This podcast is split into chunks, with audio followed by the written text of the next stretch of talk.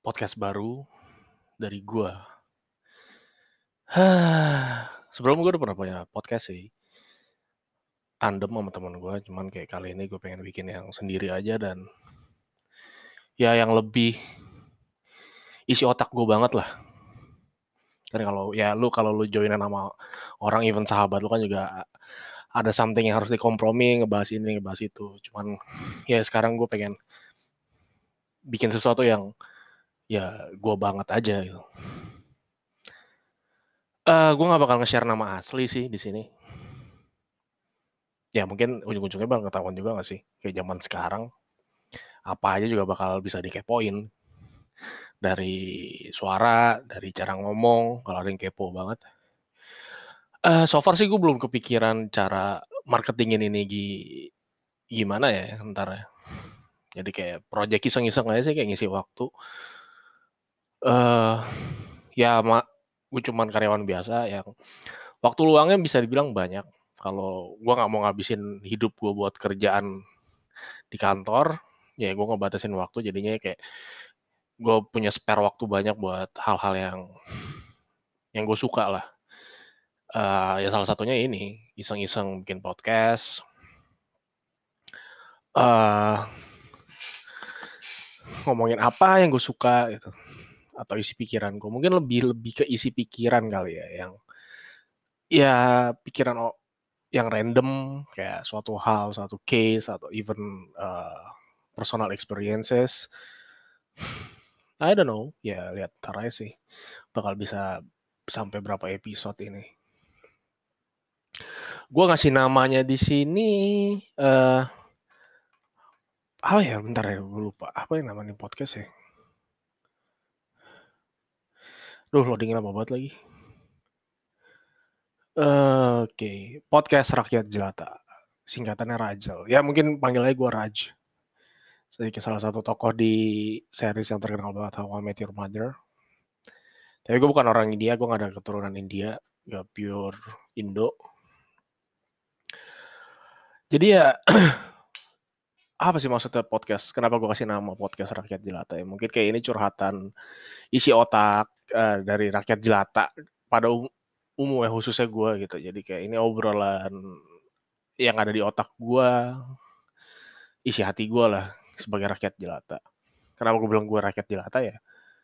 Ya gue bukan someone yang hmm, punya perusahaan, bukan someone yang pejabat atau anak pejabat. Ya rakyat jelata aja. Ya kehidupannya ya kerja kantoran 9 to 6 or 7 not 9 to 5 gue bingung kenapa still we use still uh, ya sebutan 9 to 5 para orang kerja jam 9 ya selesai jam 6 orang 8 jam kerja plus 1 jam istirahat kan 9 jam. Dan ya gue gak tahu apakah di luar negeri sana nggak ada jam istirahat ya, kalau jam kerja mereka cuma 7 jam se sehari. Uh, kadang jam 9 to 6 nggak juga, kadang 9 to 7 lebih common sih.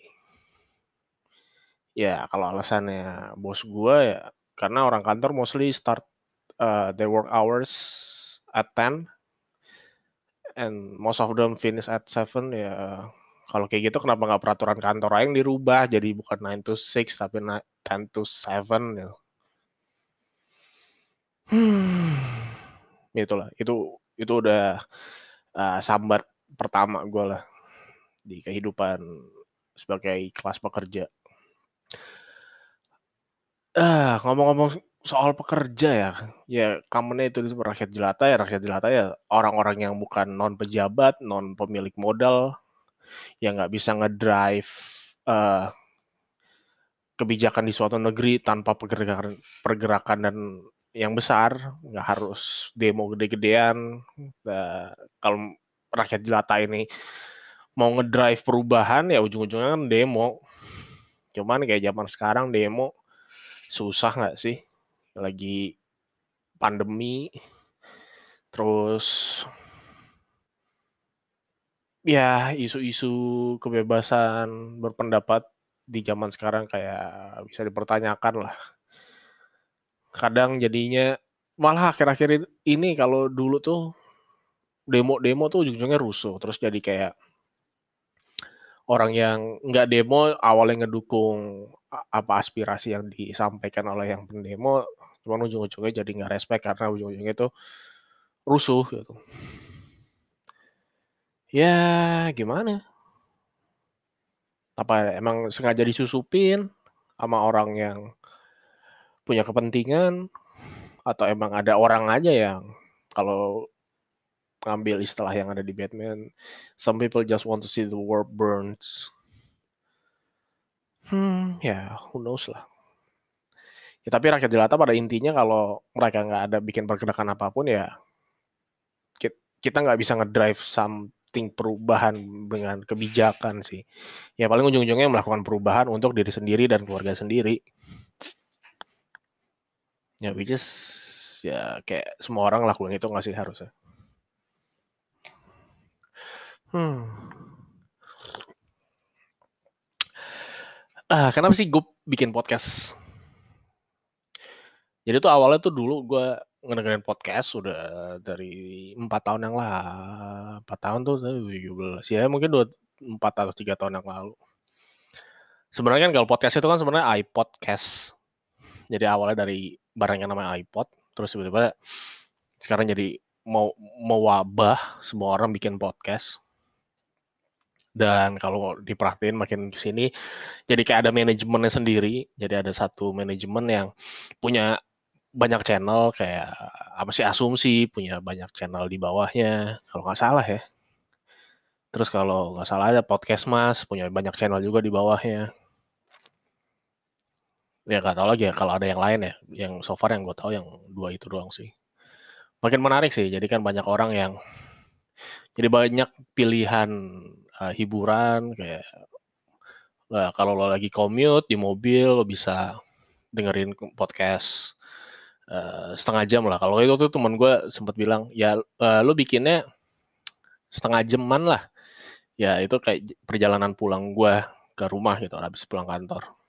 Oke oke oke. Ya jadi gue mikir paling yang sekarang pendek-pendek aja lah kayak isi otak gue saat ini apa yang gue pengen share. Itu yang gue bakal record post uh, channel marketingnya gue belum tahu belum gue pikirin yang pasti nggak tahu sih mungkin awal-awal nggak dulu kali ya. Sampai mungkin agak banyak lihat lihat dulu aja sih penasaran bakal gimana kalau ada kalau nggak sama sekali nggak ada sisi marketing even apa kayak nge-share di WhatsApp uh, even bikin IG accountnya, Twitter accountnya. Kita bakal ada yang dengerin gak sih kayak podcast rakyat jelata gitu. Sekarang di tanggal 8 Agustus di hari gue nge-record ini kok kita Indonesia masih PPKM level 4 diperpanjang sampai tanggal 9 besok berarti nih besok harus udah ada keputusan lagi nih uh, bakal diperpanjang level 4-nya atau diturunin ke level 3. Cuman kalau in overall uh, di Jakarta di Jakarta sih udah mulai bagus angkanya ya. Udah mulai uh, nggak separah 2-3 minggu yang lalu. Dan angka keterisian katanya terakhir gue kemarin baca uh, yang Wisma Atlet udah 25% keterisiannya, udah turun jauh banget. Terus kalau nggak salah lihat di IG-nya ya, Jakarta Info, uh, bor udah less than 50%, which is good.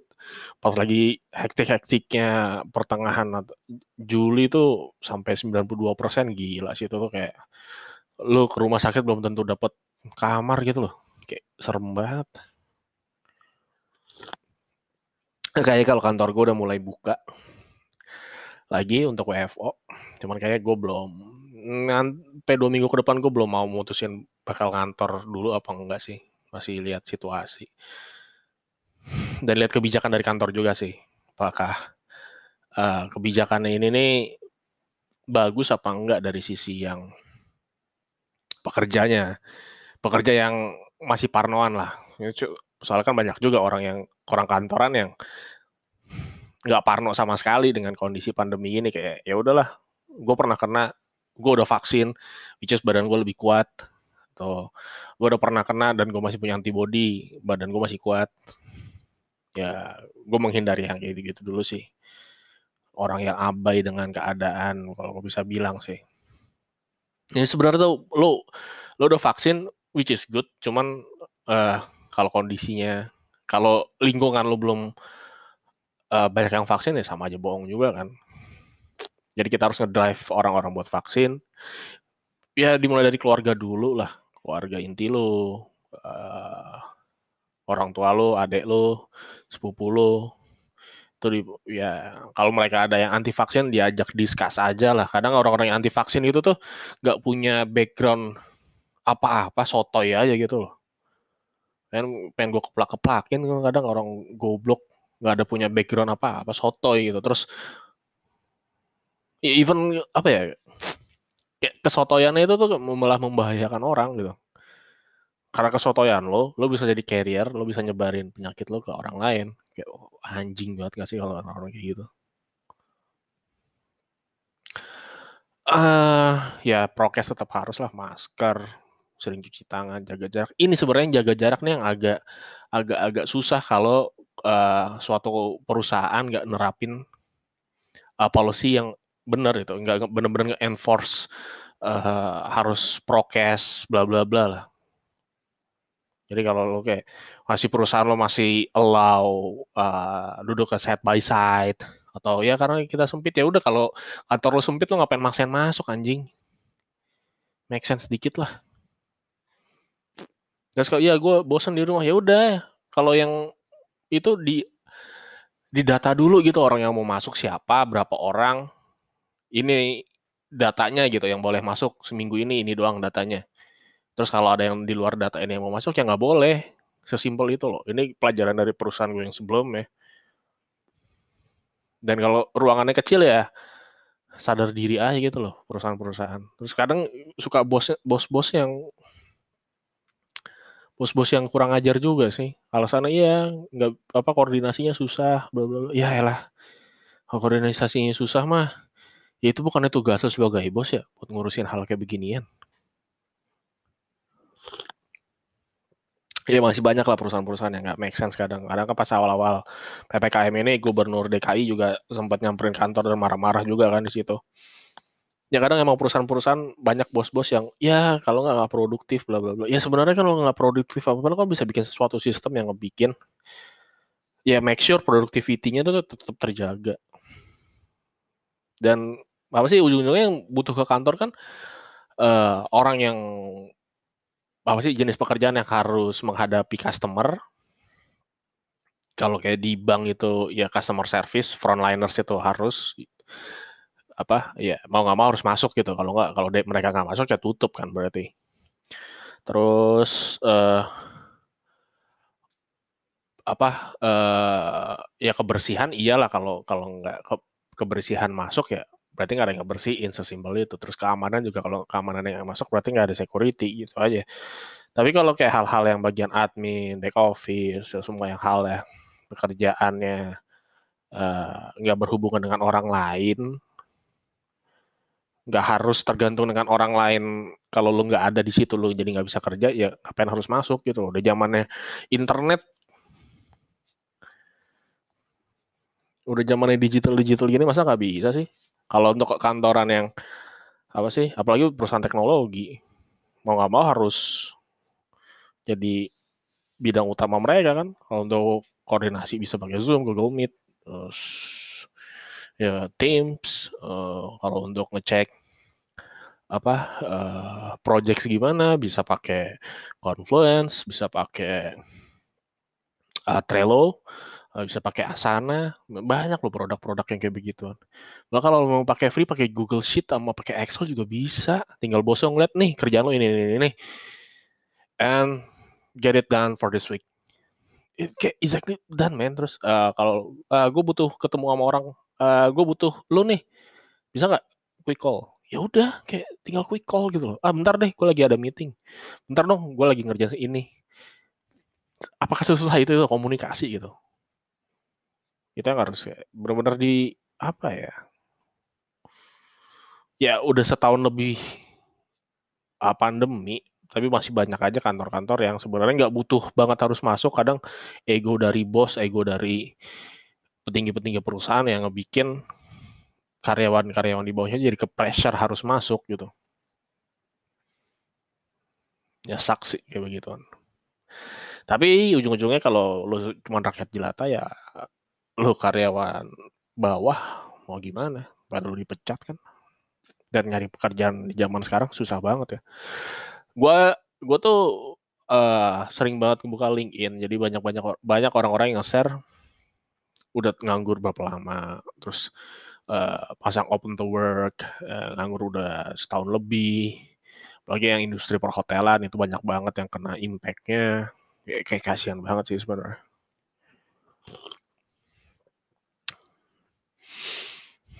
Ya, di masa-masa kayak gini lo masih waras aja dan lo masih bisa hidup aja itu udah bagus banget.